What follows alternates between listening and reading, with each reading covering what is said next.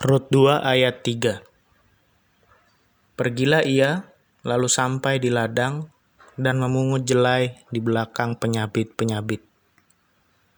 Kebetulan ia berada di tanah milik Boas, yang berasal dari kaum Elimelek. Coincidence is God's way of remaining anonymous. Albert Einstein Adakah sesuatu yang kebetulan di dunia ini? Kitab Rut sangat menarik karena Rut bukanlah orang Israel, orang Moab. Rut 1 ayat 4. Rut adalah seorang proslit pendatang yang masuk agama Yahudi. Rut 1 ayat 16. Rut menjadi proselyit karena mengucapkan bangsa mula bangsaku dan Allah mula Allahku di hadapan Naomi. Ia adalah menantu Naomi. Rut ikut Naomi pulang ke Israel setelah kedua menantu Naomi menjadi janda. Rut dan Orpa. Karena seluruh anak laki-laki dari keluarga Elimelek meninggal di tanah Moab tanpa keturunan. Mahlon dan Kilion, kedua anak laki-laki Elimelek. Lama sebelumnya Elimelek telah meninggal lebih dulu. Ruth di tanah Israel nantinya menikah dengan Boas yang masih keluarga Elimelek dan nantinya dari garis keturunannya lahir Raja Daud. Ruth adalah salah satu nenek moyang Yesus ada di Matius 1 ayat 5. Menurut penafsir, istri yang cakap atau dalam bahasa Ibrani Eset Hayil dalam Amsal 31 ayat 10 mewujud dalam diri Ruth berdasarkan pengulangan frase Eset Hayil dalam Rut 3 ayat 11 yang oleh LAI diterjemahkan perempuan baik-baik. Kenapa pertanyaan adakah sesuatu yang kebetulan di awal renungan menjadi penting? Karena pada Rut 2 ayat 3 kita membaca bahwa kebetulan Rut sedang berada di tanah milik Boas untuk memungut jelai. Padahal ia sama sekali belum mengenal Boas.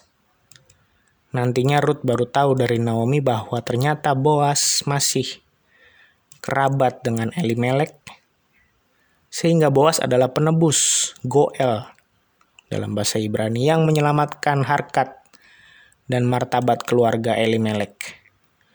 Karena sebelumnya Ruth ketika menikah dengan Mahlon tidak punya keturunan. Sehingga pernikahan Ruth dengan Boas nantinya menyelamatkan garis keturunan Mahlon. Semacam turun ranjang. Sehingga pertanyaan kebetulan menjadi relevan Kebetulankah Ruth berada di tanah Boas pada saat itu? Rasanya sebagai sebuah pemaknaan iman, kebetulan adalah suatu hal yang seolah mengingkari penyertaan Allah. Kita yakin bahwa Ruth bukanlah kebetulan berada di tanah Boas pada saat itu. Kita yakin bahwa Ruth bukanlah kebetulan seorang proselyit yang dari garis keturunannya nantinya lahir seorang Mesias. Karena Ruth adalah proselyit itulah maka Mesias bukan hanya milik orang Yahudi, tapi juga milik orang non-Yahudi. Yesus adalah Tuhan dan Mesias bagi semua bangsa. Minjam quotes dari Albert Einstein, kalau kita mengatakan bahwa semua itu kebetulan, seolah kita tetap mau membuat Tuhan sebagai sesuatu yang anonim, yang tidak bernama, yang seolah tidak berperan, atau perannya seolah disembunyikan. Padahal kita meyakini bahwa dalam segala hal Tuhan menyertai dan berperan penting dalam setiap langkah hidup manusia, termasuk dalam langkah hidup Ruth, dan tentunya kita. Bukan kebetulan ketika Ruth berada di tanah Boas. Ia janda, ia sadar posisinya yang lemah pada saat itu, tidak punya pelindung, suami. Lagi pula ia pendatang baru di tanah Israel, orang asing di Israel. Sehingga mau tidak mau ia tetap harus bekerja untuk bisa hidup bersama dengan Naomi mertuanya. Bisa saja ia memilih untuk menantikan bantuan, berpangku tangan, tapi bagi Ruth itu bukan pilihan. Ia bekerja dengan cara memungut jelai di ladang ia tidak berpangku tangan. Allah memberkati usahanya dan mempertemukan Ruth dengan Boas. Itulah Allah yang memberkati usaha manusia. Bagaimana dengan kita? Bukankah kita adalah Ruth juga, pendatang di dunia yang sementara ini? Manusia yang tentu butuh pertolongan juga. Apakah kita pernah mengalami hal-hal yang menurut kita kebetulan? Sesuatu yang menurut kita kita alami dengan tidak disengaja. Mungkin kita pernah mengalami suatu ketika ketika sangat butuh pertolongan tanpa disangka pertolongan datang dari orang yang tidak kita duga atau pada waktu yang tidak kita sangka. Kebetulankah itu? Atau semua itu kita maknai sebagai penyertaan Allah bagi usaha dan karya kita? Yakinkah kita bahwa Allah tetap menyertai kita di situasi pandemi ini? Dengan cara-cara yang juga kadangkala tidak kita duga.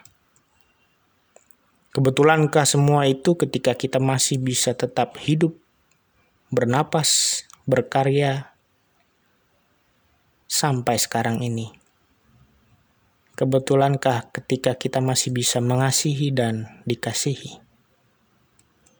Atau itu semua karena penyertaan Allah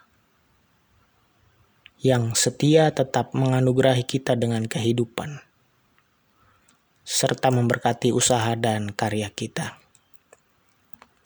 Sepatutnya kita mengatakan bahwa tidak ada yang kebetulan dalam hidup ini. Semua ada dalam penyertaan Allah Selamat memaknai seluruh penyertaan Allah dalam hidup kita yang tidak pernah kita duga datangnya. Amin. Tuhan Yesus memberkati.